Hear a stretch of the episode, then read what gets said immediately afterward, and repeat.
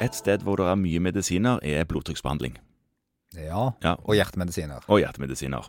De går jo litt sånn inn og ut av hverandre, de sånn. Det er en, Helt sant. helt sant. Men en av de som jeg tenkte du kunne fortelle meg litt om i dag, var amlodipin. Ja. ja, den brukes mye. Ja, den brukes veldig mye. Ja. En av de mest brukte hjertemedisinene vi har. Eh, f- Nok fordi det er en ganske enkel og grei dosering.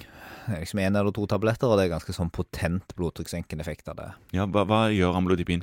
Den virker på noe som heter kalsium, som er et salt, Ja, og bidrar til å slappe av det som heter glatt muskulatur i blodårer. ja altså få glatt muskulatur til å slappe av. Ja, og da blir blodåreveggen litt mindre stiv og trekker seg, slapper mer av, altså mykere og mer ettergivende, Så da blir det større diameter der inne.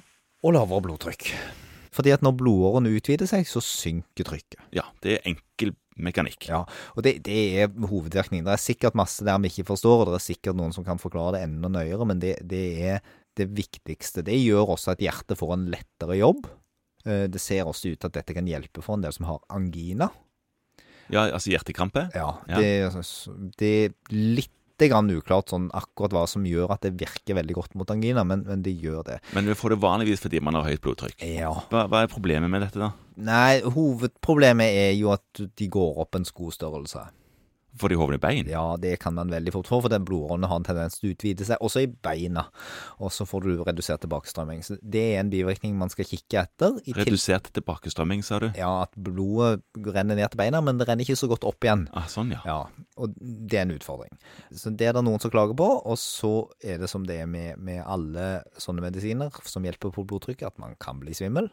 Ja, fordi blodtrykket blir litt vel lavt, så man får litt mindre blod opp til topplokket. Absolutt. Mhm. Eh, utover det så er det ikke så veldig mye å tenke på sånn i, i eh, vanlig praksis. Man skal på en måte gå til, til kontroll og se at det ligger omtrent riktig, blodtrykket.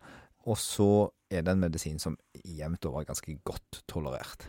Og så var vi jo inne på det, at det er veldig mye hjertemedisin, så dersom den skostørrelsen var veldig plagsom at den gikk opp, så går det an å prøve å bytte medisin. Det vil være å anbefale. Ja.